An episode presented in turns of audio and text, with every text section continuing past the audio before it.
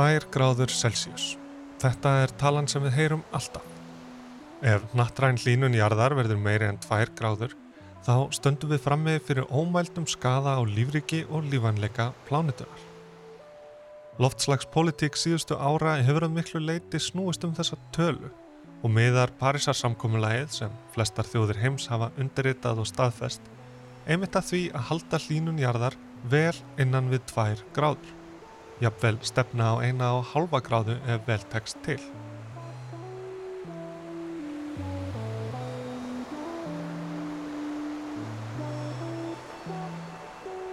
Gráðurnar tvær miðast við meðalhitta á jörðinni fyrir yðinbyltingu.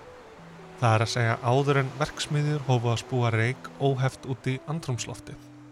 Áður en við lögðum lestarteina á vegi milli heimsálfa fórum að þvera höfin á ólíuknúnum skipum Áður en við brendum steingerfinga til að komast í vinnuna, fara með börnin á leikskóla og skreppa í helgarferðir út fyrir landsteinana með reglulegu millibili.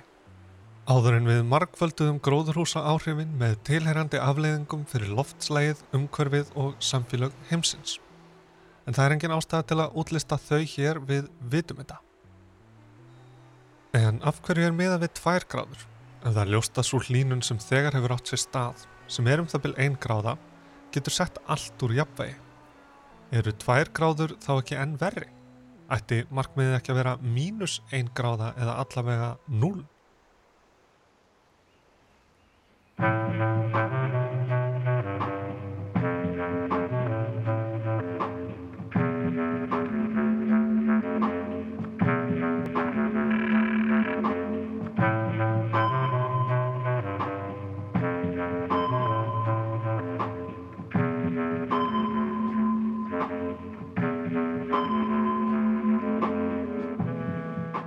Góðan daginn ágætti hlustandi, við erum Snorri og Tómas. Þetta er Ratsjá. Í Ratsjá sendum við merki út í veröld vísinda og tækni og segjum frá því sem berst tilbaka. Og í þessum þætti ætlum við að fjalla um svolítið umdilt fyrirbæri, jarðmótun. En það eru markvissar, stórtækar og ekki síst stór huga aðgerðir til að hafa áhrif á lofslag jarðarinnar.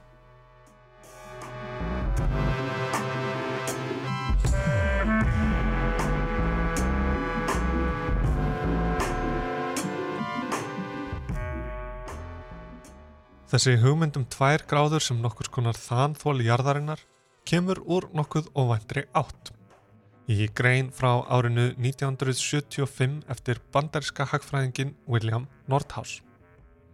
Greinin bar nafnið Can we control carbon dioxide eða getum við stjórnað koldioksiði og var Nordhaus með þeim fyrstu til að velta fyrir sér hagrænum áhrifum loftslagsbreytinga.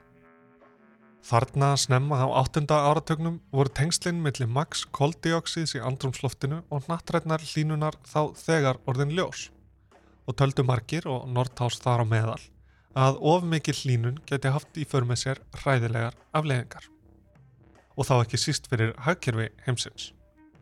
Ef við gætum hins vegar styrt þessu magni mætti með einhverjum hætti mögulega að koma í veg fyrir verstu hamfarinnar Auk þess að kanna afleiðingarnar af því að draga úr losun eða gera bara ekki neitt, veldir Nordhaus upp möguleikanum á að fanga kólefni úr andrumsloftinu eða gera það óvirt. Draga úr hlínun með öðrum aðferðum eins og að eiga við skíin eða skikja á sólina. Það er svo sem ekkert ný hugmynd að maðurinn hafi stjórn á jörðinni með einum eða öðrum hætti. Jörðin var jú sköpuð af Guði okkur til afnóta og allt það. Hvar sem við stígum niður fæti höfum við áhrif. Við ræktum land og nýtum, ræsum fram og umbreytum, viljandi og óafvitandi. En munurinn á þess konar mótun okkar á umhverfinu í víðum skilningi og jarðmótunar hugmyndum Nordhaus sem að setja hitastilli á jörðina er að í síðara tilvíkinu er markmiðið beinleinis að hafa áhrif á loftslægið allt með teknilegum hætti til að sportna við hamfara hlínun. Það er jarðmótun. Það er ekki hægt að gera bara eitthvað. Við sjáum hverju það hefur skilað okkur. Og allt kostar.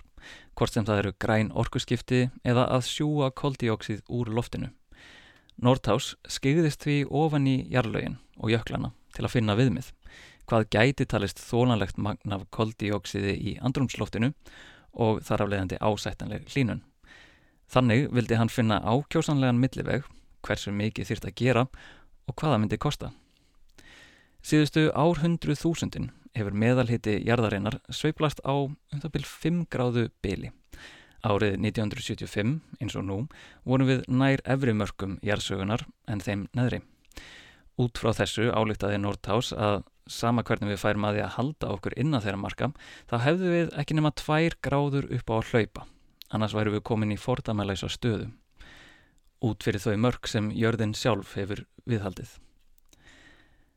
Það var þannig sem þessi hugmyndum tvær gráður skaut upp kollinum í lofslagsumræðinni en á þeim tíma voru lofslagsmálinn svo sem ekki mikið á kortinu. Helst var rætt um mengun og staðbundin umhverjus áhrif en eftir því sem nattræn hlínun fekk meiri aðtegli fór aukinn kraftur í að setja fram líkun og reikni aðferðir til að meta áhrif hennar og umfang. En árið 1990 gaf umhverfistofnun Stokkólms út skýrslu sem fullirti að örugast væri að stefna ekki á meir en einnar gráður hlínun en þar sem það væri líklega út úr myndinni væri næst best að stefna á gráðurnar tvær. Þar með kristallægist það viðmið sem viðmið viðmiðana. Tvær gráður Celsius.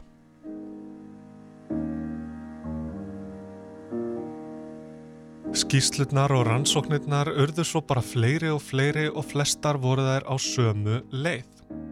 Sama hver hlínuninn er mikil þá verða áhrifin slæm. Skaðin er skeður og ef við eigum að miða við eitthvað þá er það tvær gráður. Því allt annað er svo gott sem ómögulegt. Tvær gráðurnar eru ekki leifið til að menga meira. Þetta er ekki hlínun sem kemur ekki að sög, þetta er ekki sveigrúmið sem við höfum. Tvær gráður eru hamfara hlínun. Hamfara hlínun sem við verðum bara að sætt okkur við. Þannig er þetta ekki vísindarleg ráðlegging um hvað við megum eða eigum að gera, heldur frekar einhvers konar tákn. Tákn hvers máttur fælst ekki í sannkildi eða sem trygg mælieining, heldur sem sameiningartákn. Við fylgjum okkur saman um tvær gráður því það er eina leiðin til að eitthvað geti gerst. En hvað?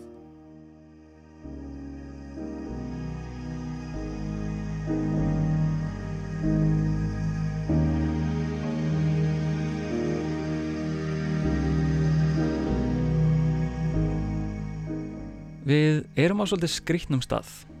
Nútíminn er drefin áfram af orku, miklu meiri orku en nokkur maður getur skapað.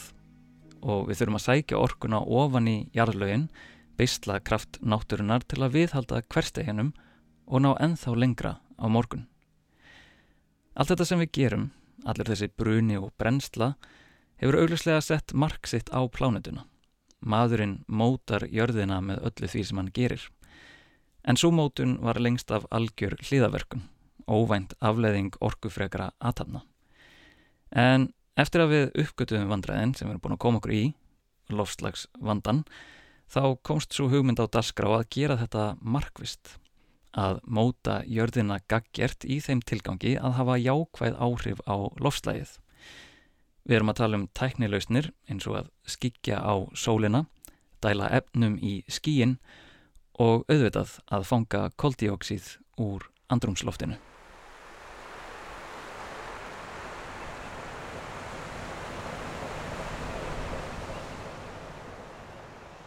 En hvernig virkar svona jarðmótum? Tæknilöstnir þurfi ekki endilega að vera svo tæknilegar. Likur ekki beinast við að planta bara trjám og kólefnisjafna bílinn, flugið, matinn og hárgriðsluna? Tréð þegar það er að vaksa og við sjáum núna bara þau eru að löfkast trén og þá opnast löfblöðin og þau hafa þar tækifæri til að remma sólar orku úr andrusloftinu. Þar bindaði saman kólefnið, súrefni og vettni og búa til lífrænt orkuhátt samband kólefnis, vettnis og súrefnis. En langmestu leiti kólefnis og vettnis. Og uh, í leiðinni við tillífunna þá, þá búaði þetta í súrefni. Það er ljós til lífun. Ég heiti Sigurður Reynir Gíslason og ég er vísindamæður við Jarvísastofnun Háskóla Íslands. Við bárum kólefnisjöfnun og trjárekt undir Sigurð.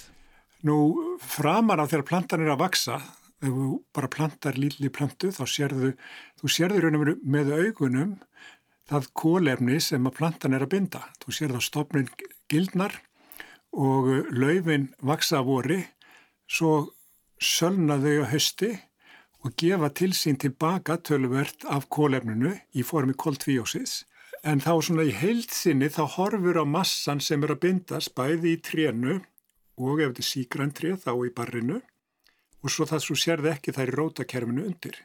Þá ert að binda kólefni frá andursloftinu sem er tekið upp sem kóltvíjóksið og inn í þetta efni. Þetta hljóma nokkuð vel, nokkun veginn eins og við heldum. Tréð tekur skítugt kóltvíjóksið inn og skilar frá sér hreinu og tæru súrefni. Þetta er hugsunin á bakvið kólefnisjöfnun, segjum að maður skellir sér ringin á sparnitnum bíl við það losna um það byrju 100 kíló af koldioksiði en það tekur eitt tríu um 5 ár að binda svo mikið magn.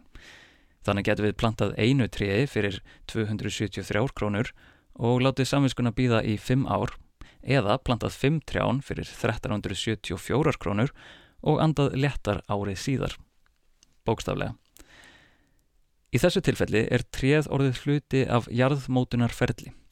Það sprettur ekki af sjálfu sér, það er ekki bara það sem það er og gerir ekki bara það sem það gerir. Það er orðið tæki sem er komið fyrir af okkur til að láta jöfnur stemma í bókaldinu. En svona viðskipti við náttúruna láta hlutina oft hljóma mun innfaldari en þeir raunverulega eru. Yfir æfiskeið plöntunar framan af bindst lítið, svo kemur svona rosalegu sprettur þar sem að þú sé plöntur að stækka og stækka og bindu meira og meira. Svo þegar hún komin á svona setni ára eins og ég til dæmis, að þá, þá nær hún svona jafnbæg, hún bindu jafn mikið og hún losar og svo enda með því að hún fer að rótna og fúna og fúi er rauninu bara hægur bruni. Bæðið þegar við erum að anda, núna til dæmis, þá erum við að brenna lífrænu kólefni sem við höfum til og með sporðað í hátuðismatni núna. Það er, það er bara uppalega þetta sólarorka sem er bundin sem við erum að brenna. Þannig að það kemur að því að trén hætta nett á að binda og síðan fara að losa. Og sem risa laust núna til að binda koldfjósur andurslofti þá höfum við ekki, ekki sem stæðstulausn, þá höfum við ekki nóg mikið pláss á jörðinni fyrir allar plöntur sem þarf til þess að nema það sem við þurfum úr andurslofti til þess að ná kólum slutleysi 2050.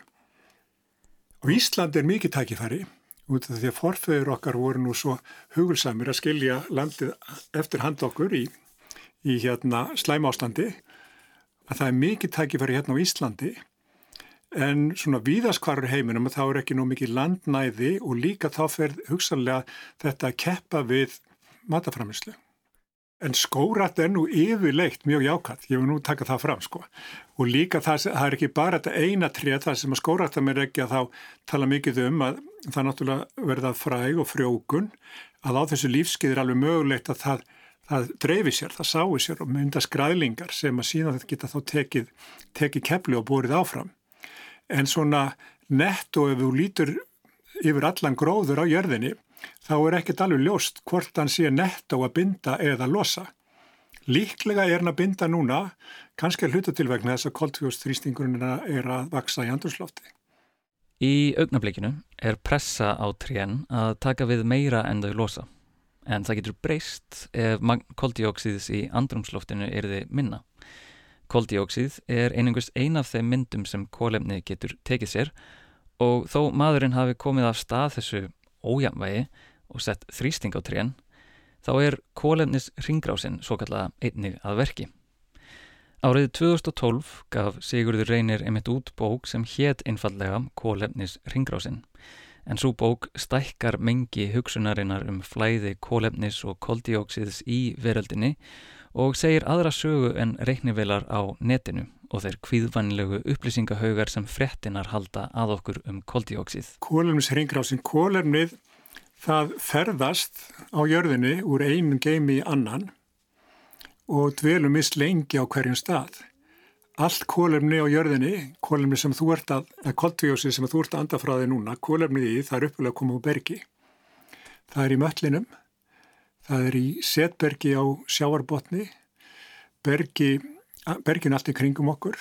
Og núna meðan við tölum er, er koldvíósið að losna úr hérna út á Reykjanesi í eldfjallinu þar. Og það er svona merkjum þar þar sem þetta kemur fyrst, það sem við kallum er inn í kólumur ringrásuna við borjarðar að þá bæði í eldfjöllum út á útastryggjunum og eigabógunum þá kemur koldfjósið neðan og mölli inn í þessa ringrás hérna á yfirborði. Það fer, segjum til mig eins og út á Reykjanesi núna það fer út í andrursloft það stendur ekki lengi við í andurslofti út í andurslofti er svo lítill geymir það er kannski ykkur starf stærðagráðinu að meðaltali um þrjú fjór ár. Að þá einhvern tíma á þeim tíma leysist það upp í rigningu og gerir rigninguna súra. Hún dett og súra þá á ég við að hlutlust vatn er um P7 náttúruleg síra og þá er, er kolsýra þegar að koltvíósi leysist upp í vatni þá myndast kolsýra hún sírir vatni aðeins og það er P5,6 síðan eh, lendir þetta á meilöndunum Þar fer það veðraberg og kolsýran veðraberg og leysir efnúlæðingi. Þá ækka pjóð og þá breytist, breytist kolsýran í svo kallar bikarbonat. Það rennur út í sjóin.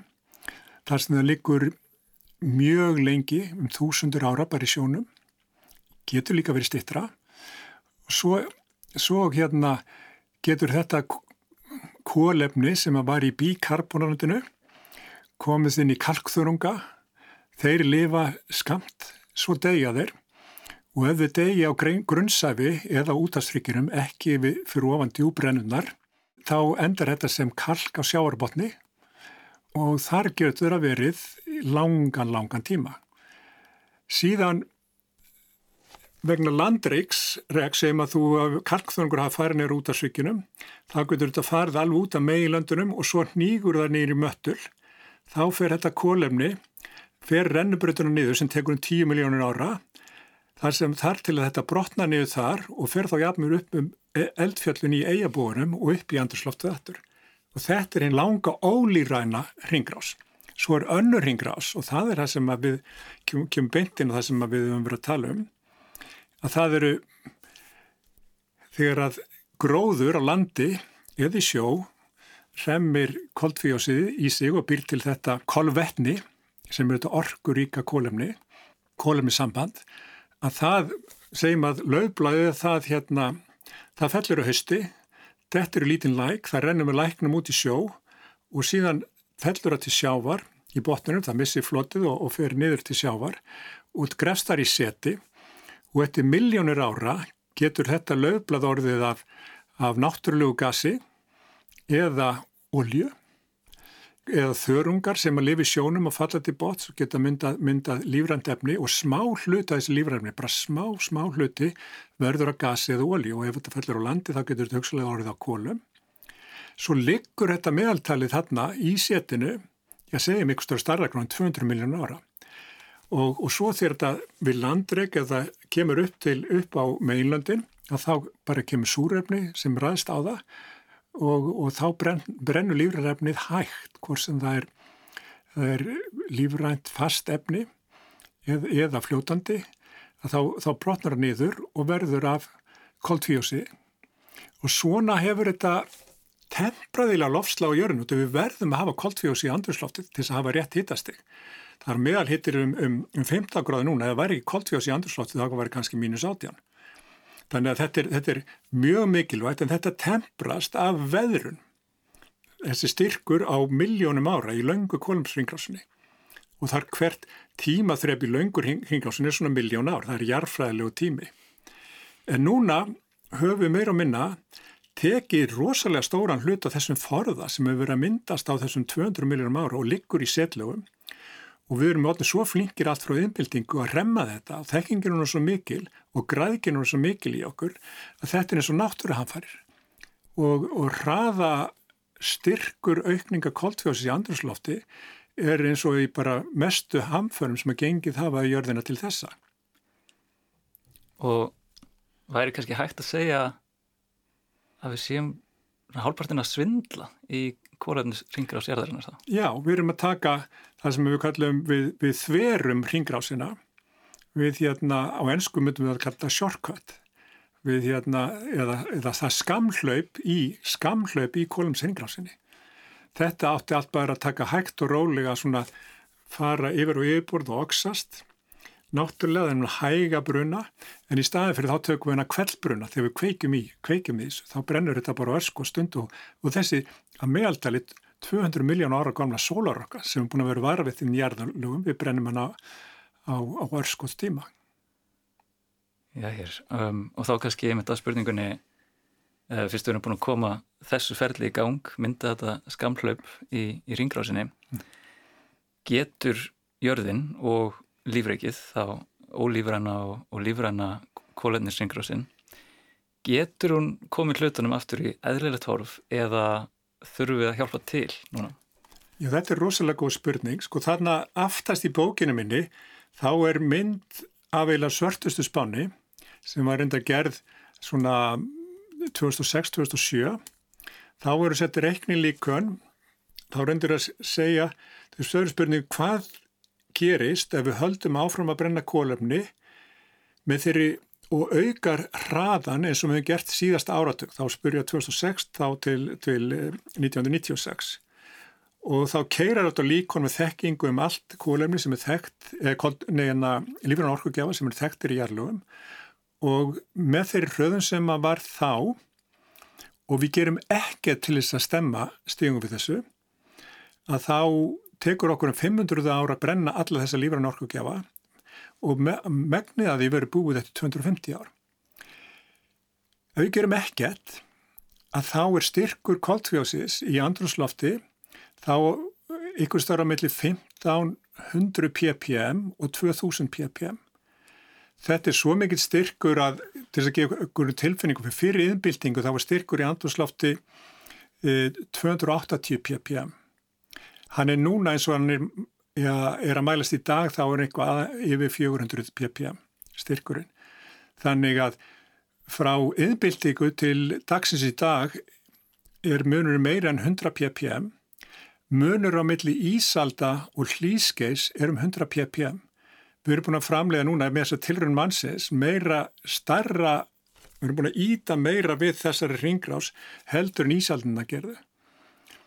Þannig að þetta eru stóra tölur og en það sem að gerist ef að við, ef að við myndum bara sleppa þessu lausu, þetta færi þarna, það er náttúrulega þá, ég ætla ekki að fara í þá fantasíu, en ef við bara látum ringrásun að vinna á þessu, fyrsta lagi þá þegar við erum búin að ná toppun með þetta 250 ár, þá byrjar, það er, það er hérna, þá leysist upp í sjónum að stórum hlita þessi, þessi toppur og þá lækkar styrkurinn síðan færa allt kalk í sjónum, þá erum við að tala um alla kalkþörunguna, við erum að tala um alla kórallana og svo framvís.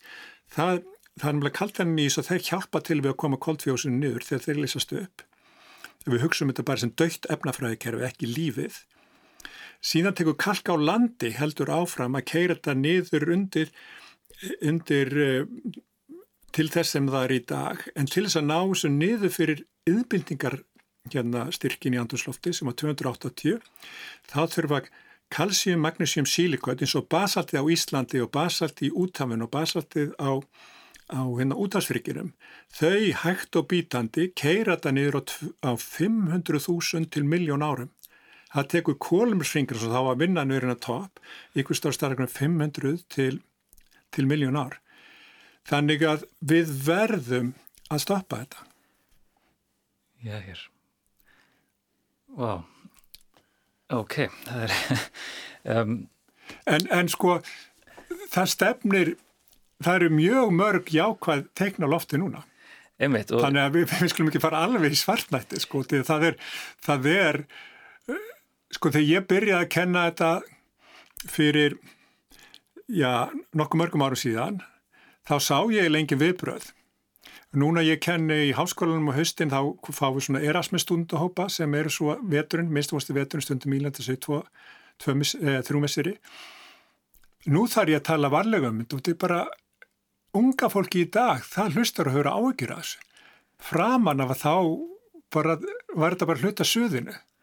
Þetta er komið á svona kvíðaslóðir í dag. Já, algjörlega. þannig að maður þarf aðeins að passa orðin, þess vegna segja ég sko, það, er, það eru lausnir á sem við hefum tækni, tæknina til þess að takast á við, en við verðum bara að gera það rætt.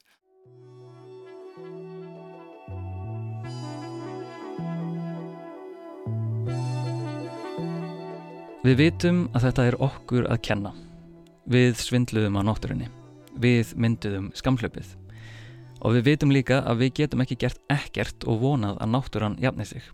Ef við kjósum þann möguleika þurfum við að býða af okkur óveðrin í 500.000 til miljón ár og vona að lífriki jarðarinnar lifi það af. Það er frekar glötuð stefna. En við vitum líka að það er ekki nóg að íta á pásu Það er ekki nóg að við draugum saman, hættum að kera bensínbíla, hættum að flytja óþarfa varning, heimsenda á milli, hættum að mæta á vinnustad og þar fram eftir gutunum. Það er ekki nóg að stoppa eins og í COVID-faradrunum. Því þegar við lokuðum okkur af og allt var í lamasessi, þá dróst losun aðeins saman um 17%. Það er allt of lítið. Við hengum heima og minguðum þar með losun en samt náðum við bara 17% árangri.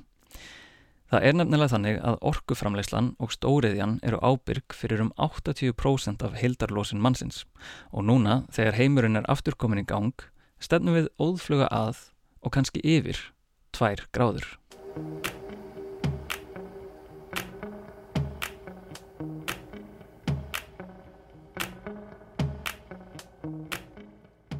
Parísarsáttmálinn var svo litið sniður.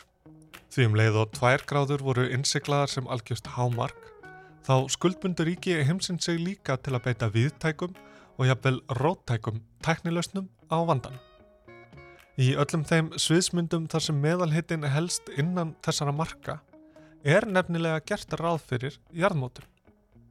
Við sjáum að það er ekki nóg að planta trjám til að sjúa allt umfram koldioksíðið úr andrumsloftinu og þess vegna er verið að rannsaka ymsar leiðir til að líka eftir og flýta fyrir náttúrulegum ferlum. Meira að segja hér á Íslandi er verið að þróa jarðmótunartekni sem gæti skipt sköpum fyrir lífanleika plánetunar okkar. Carpfix byrjaði sem verkefni millir vísendamanna í bandaríkunum hér á landi og í Evrópu og orkuveitur Reykjavíkur. Þetta er Sandra Ósk Snæbjörnsdóttir, jarðfræðingur og kólefnisfarkari. Sem miða því að finna leið til þess að hraða ferli náttúrunar til að binda í rauninni CO2 í formi steinda. Það er að segja að taka CO2 sem að, koldioksið sem að færi annars út í andrusloftið og dæla þið niður í jörðina og breyta þið í stein. Og frá því að verkefnið var sett á laggirnar árið 2007 þá er í rauninni búið að sannreina þessa aðferð og búið að nota hana sem bara hluti af rekstri helliseiðvirkunar frá 2014 og svo núna árið 2020 var þá ákveðið bara að gefa þessu lilla verkefni vangi og Carpfix varð bara eigið félag og er dótturfélag orkuveitunar í dag með fimm starfsmenn sem að vinna í rauninni bara myrkrana á milli við það að sjá hvað þessi aðferð getur, hvað hún getur nýst og svona hvað við getum lagt til í barátunni gegn hamfærarlínun. Þetta er likillin, eða allavega einn af þeim, að því að ná settum markmiðum í loftlagsmálunum. En hvernig virkar þetta nákvæmlega? Það sem við gerum er í rauninni að við tökum koldioksíð og það getur verið bara úr hvers konar útblæstri eða bara eins og e, við erum reyndar líka að gera á hellisegiði þá erum við bara að fanga hreinlega bynd úr andruslofti í, í samstarfi okkar við, við svona sýstnest teknifyrirtæki sem heitir Climeworks. Þannig að það sem við þurfum í rauninni er bara koldioksíð sem við leysum í vatni sem er bara samaferðli og gerist í sótastrýmtækinu. Þannig að við búum bara til svona nokkus konar sótavatn. Og svo dælum við þessu sótavatni ofan í, í basaltbergrunin. Basalt er sérstaklega bergtegundir sem að Íslandi er bara að lang stæstum hluta úr, bara þetta dökka berg sem er hér allt, allt um kring og þetta berg er mjög kvarfgjarnt og það innheldur mjög mikið af málmum. Þannig að það er mikið kalsjum og magnísjum og jafn í því og með því að dæla svona sótavatni ofan í uh, svona basaltbergrunn þá losna málmar úr berginu sem ganga í efnasamband við koldjóksið og mynda bara steintegund sem er bara steindir sem heita, heita, heita karbonut, aðalega kalsít eða silfurberg. Og þetta er í rauninni bara svona ferli sem við sjáum í náttúrunni og, og hérna, að þú tekur upp svona basaltmól þá sér það oft svona hvítar, hvítar hólufyllingar og þær eru oftar en ekki bara náttúrulegt kalsít. Þannig að við erum í rauninni bara að reyna að hraða þessu ferli og náttúrulega með því að taka koldioksiði og breyta því stein þá erum við svona varanlega búin að koma í vekk fyrir áhrif þessa loftslægið. Þetta minnir á ævintýrabækur alkemíu jafnvel galdra að breyta lofti í vatn í stein. Í huganum koma upp áreikstrar. Er í alveru hægt að dæla sótavatni ofan í stein? Við þekkjum kraftin í einni kristalsflösku sem dettur í gólfið gís sótavatnið ekki bara upp úr jörðinni þegar bergið fyllist? Basalt er rosalega heppilegt hvað þetta varðar. E, það er svolítið bara eins og svampur. Þú sérð oft þegar heldur bara á svona basaltmóla, svona hraunmóla að það er alveg fyllt af svona holrýmum og svo eru mikið af, af sprungum þannig að, þannig að vatn á mjög greiða leið um, um svona bergstabla. Þannig að við erum til dæmis búin að vera að dæla niður í sömu niðurdælingahóluna á helliseiði frá 2014 og það eru veist, engar breytingar. Hún, hún þarna, tekur bara alltaf við jafn miklu og minn bakgrunnur er einmitt svona í, í svona bórhólu bransanum.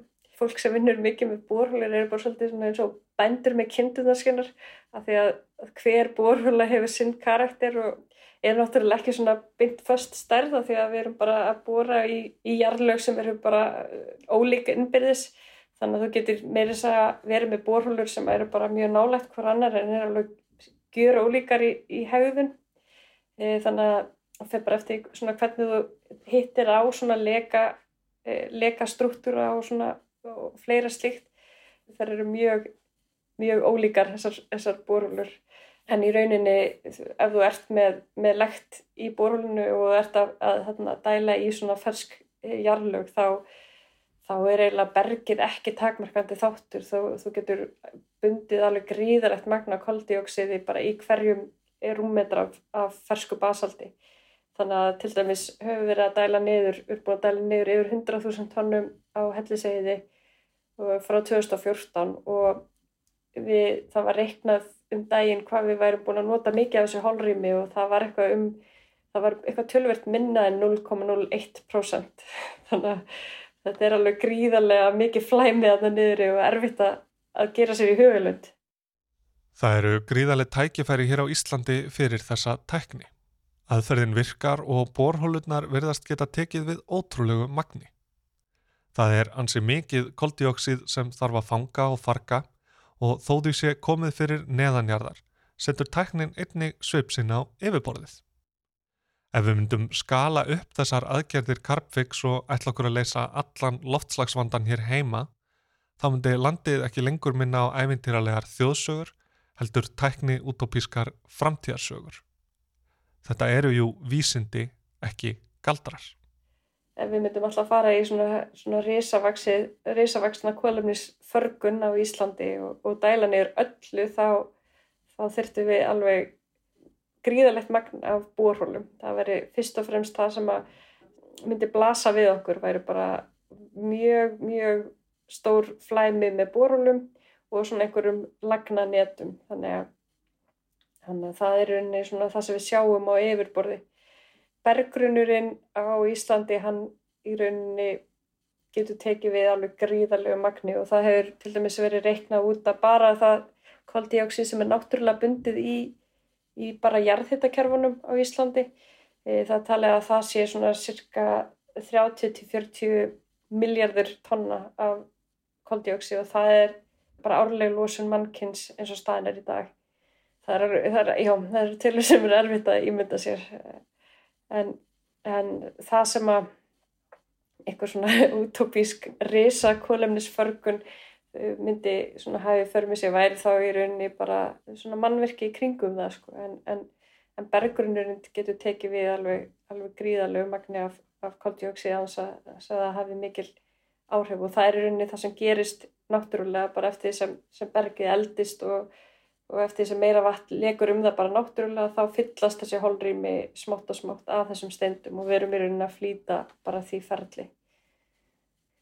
Og það hljómar ótrúlega svona e, vísindaskaldsögulegt fyrir, fyrir fólk sem hugsaður ekki mikið á þessum nótum en mér finnst oft gott svona að kjarna mig í bara að hugsa um, um þau kerfi sem við tökum sem sjálfsögum hlut í dag e, til dæmis bara e, olíu og gasdreifi kerfi heimsins að við höfum bara e, skip og leiðslur og lestur sem að bara ferðast bara um langa vegu og, og tryggja aðgengi bara nánast allra jarðarbúa að jarðarnaeldsniti og hugsaum kannski ekki oft um það þegar við tökum bensin á bílin að, að þetta sé jarðarfni elsnætti sem að ég kannski ræti svona reykja til Sáti Arabi og það sé búið að flytja það hér með hinga með skipum og, og hérna svo á tanka og svo með tankbílum og svo í risastóra neðanjarða tanka fyrir neðan bensinstöðuna þannig að ef að við svona mátum okkur við infrastruktúr sem við erum bara vöni í okkar dælega lífi þá, þá er kannski kolumnis förgun ekkert svo rosalega framandi við erum bara í rauninni að snúa þessum kerfum við og í staðis að taka koldioksið upp úr jörðinni og, og losa út í andrusloftið þá þurfum við að fanga það áður en það fer út í andrusloftið og koma því þannig fyrir að hætta að hafa áhrif. Rétt eins og yngripp okkar í kólefnisarhingrásina kom okkur í þennan vanda þá er það yngripp sem kemur okkur út úr honum. Við þurfum að hafa hraðar hendur og þetta ferli sem tekur jörðina ár hundruð, ár þúsund að breyta koldioksið í stein framkvæmir Carbfix á innan við tveimur árum og þar sem jarðheita er að finna tekur ferlið enn stittir tíma, jafnvel bara nokkra mánuði. Carbfix hefur einsett sér að binda miljard tonna af koldioksiði fyrir árið 2030. Það allavega kannski myndi sjást aðeins á, á heldarlosuninni en, en okkur finnst náttúrulega miljardur tonna, þú veist, það er mjög stórhuga markmið en á sama skapi þá setjum við það í samhengi við, við losunina í dag sem er um, um 35 miljardar tonna þannig að þetta, þetta er ansið stort verkefni fyrir höndum sko ef við náum miljardir tonna þá erum við allavega að farna svona sjást í bókaldinu svo að segja en, en svo þarf bara að fanga og farga alveg gríðalög magni á næstu áratugum til þess að, að, að ná markmiðum okkar í, í loslasmálum. Á Íslandi eru góðar aðstæður fyrir þróunarvinnu en stefnan er sett annars vegar á að flytja tæknina út og hins vegar á að flytja koldioksið hingað og farga því. Carbfix vinnur nú hörðum höndum að því að laga tæknina að ólíkum aðstæðum og skilirðum. Það er tiltölega lítið mál að fanga koldioksið sem kemur úr stórum strompi en vandamálið likur í loftinu. Ímis fyrirtæki, Carbfix þar á meðal, eru að þróa tæki sem byggja á direct air capture eða bytni loftföngun til að ná því koldioksiði sem ekki er hægt að fanga með öðrum hætti. Hér er átt við útblástur frá fartækjum, verksmiðjum, orkuverum og í raun skuldina sem við höfum skapað okkur síðustu tvær aldirnar áður en föngunartæknin kom til sögunar. Við erum með svona viftur sem bara blása andurslofti í gegn um svona filter og það er svona efni í filternu sem koldioksiði límist á þannig að andrúrslofti blæsi gegn en, en koldioksiði situr eftir á þessum filterum. Þetta er svona tveggja þrjöpa kerfi þannig að þegar filterinn er mettaður þá lokast e, vifturnar og filterinn er hýtaður og þá bara losnar hreint koldioksið. Eins og í hérna, verkefninu upp á hellisegi þá tökum við það koldioksið og dælum því niður í bergrunin og steinarinn um það. Þannig að þetta er alltaf mjög svona vísundaskált sögulegt en já, eina af þeim tækni nýjungum sem við þurfum að tilenga okkur í, í þessum hérna, hlínandi heimi. Þetta fengunar ver sem er að rýsa á helliseiði hefur svona afkasta getu upp á svona cirka 4000 tonn afkvaldjóksi ári. En við erum að fara úr 50 tónnum þannig að það er ágættis skref. Náttúrulega með hverju svona stakkun þá er einhver bestun sem á sér stað og við lærum náttúrulega alltaf lang mest á því að prófa í svona raunheimum, fara af, af rannsóknastofunni. Svo bara sjáum við fyrir okkur að, með hverju skrefi þá bætu við eitthvað að teknina og bestum og, og hérna. En þetta er samt og verður alltaf e, orkufrekari heldur en að fanga beintur úr einhverjum strómpum að því að það er alltaf þó að e, styrkur koldioksís sé farið hækkandi í andurslofti þá er það samt bara veist, 400 koldioksíð fyrir hverja miljón eindir í, í andursloftina þannig að þetta er mjög lár styrkur þannig að það þarf svolítið orku að, að týna þá úr og finna þá. En svo staðan er í dag, kostar það orku, pening og jafnvel svo litið koldioksíð að farga koldioksíði. En þrónar fyrirtæki eins og Carpfix eru skrefin í rétta átt. Það hefur sínt sig og sannað aftur og aftur í gegnum síðustu tvær aldirnar að tæknin hefur þá tilneyingu að verða hagkvæmari, skilvirkari og aðgengilegri ef henni er gefin aðtikli og tími. Það mun ljóslega eiga við um jarðmótun rétt eins og það átti við um engabílin, lestarkerfi heimsins og gerfinhattanettið yfir jörðinni. Nú þurfum við að spýta í lóna og það er náttúrulega oft talað um að, að næstu tíu ár muni skipta sköpum. Það sem ég hugga mig við í, í, í því öllu saman er að það hefur rauninni bara verið gefið út að lausnin við lofslagsvandanum er til og hún er náttúrulega bara fjölmargar lausnir. Við þurfum alltaf bara að, að, að minka losun fyrst og fremst, það er náttúrulega nummer 1, 2 og 3 fyrir þá losun sem við getum ekki minka eins og til dæmis frá sementsframleyslu og framleyslu af mörgum málmum og slíku þá þurfum við bara að fanga koldioksið og koma því fyrir svo það hafi ekki áhrif við þurfum að planta trjám, við þurfum að endurheimta votlendi þannig að lausnin við loslasvandanum eru mjög margar lausnir en þær eru til. Þannig að ef við bara notum þær þá eigum við góða möguleika að komast vel frá þessu. Þannig að ég bara svona hef alveg trú á því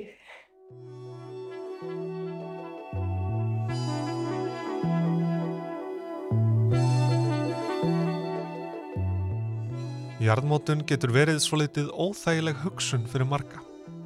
Það hefur svo margt farið úrskeiðist þegar maðurinn gerir eitthvað sem hefur áhrif á umkörfið og því enginn förða að margir séu örlítið tvístingandi þegar rættir um endurmótun á plánitinu sem við búum á.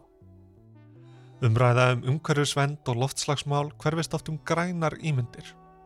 Það er talað um græna nýja gjöf, endurheimt, vernd og ræktun, afturkvarf til náttúrunar.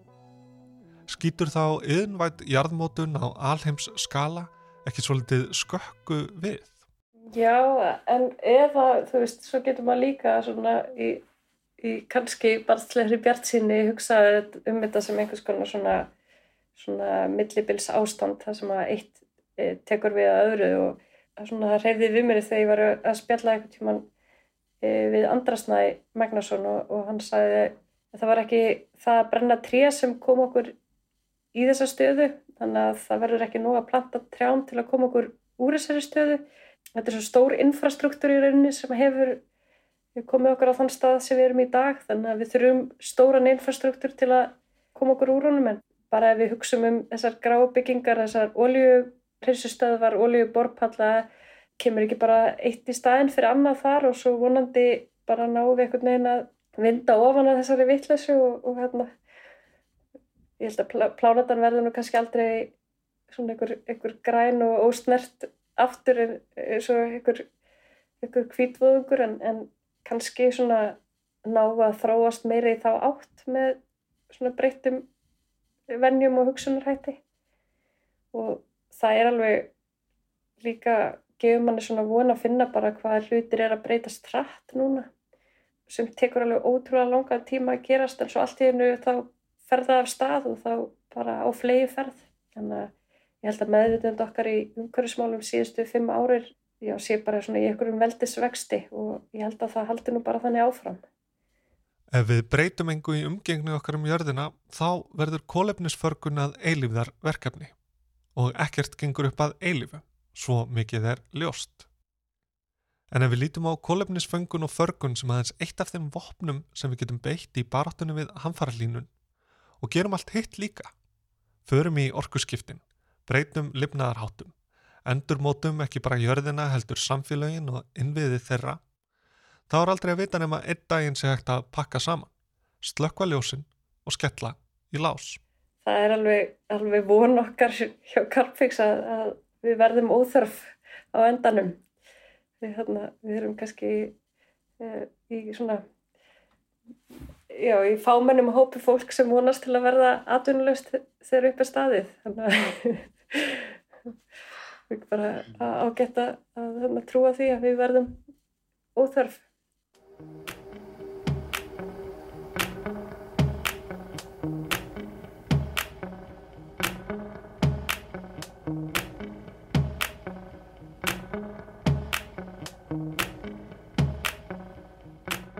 Kólefnisjöfnun, fungun og förgun er sá hluti jarðmótunar sem er eðlilega innan kólefnisrammans. Leggur út frá þeirri forsendu að bein tengsl séu á milli gróðurhúsa loftegunda og nattrænar hlínunar. En það er það þannig. En þarf það endilega að vera þannig? Í næsta þætti ætlum við að sjá hvort hægt sé að skera á þessi tengsl.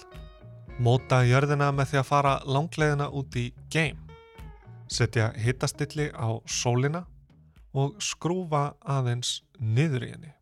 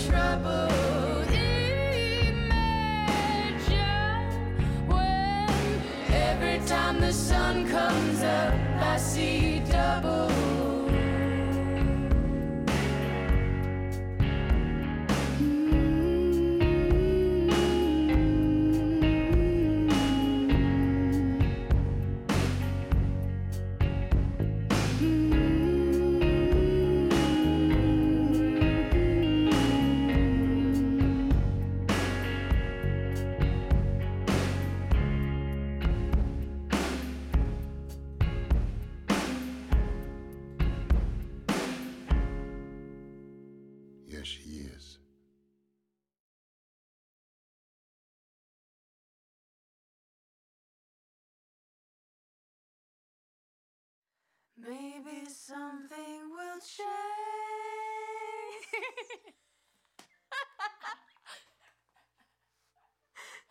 Sorry, my headphones fell off.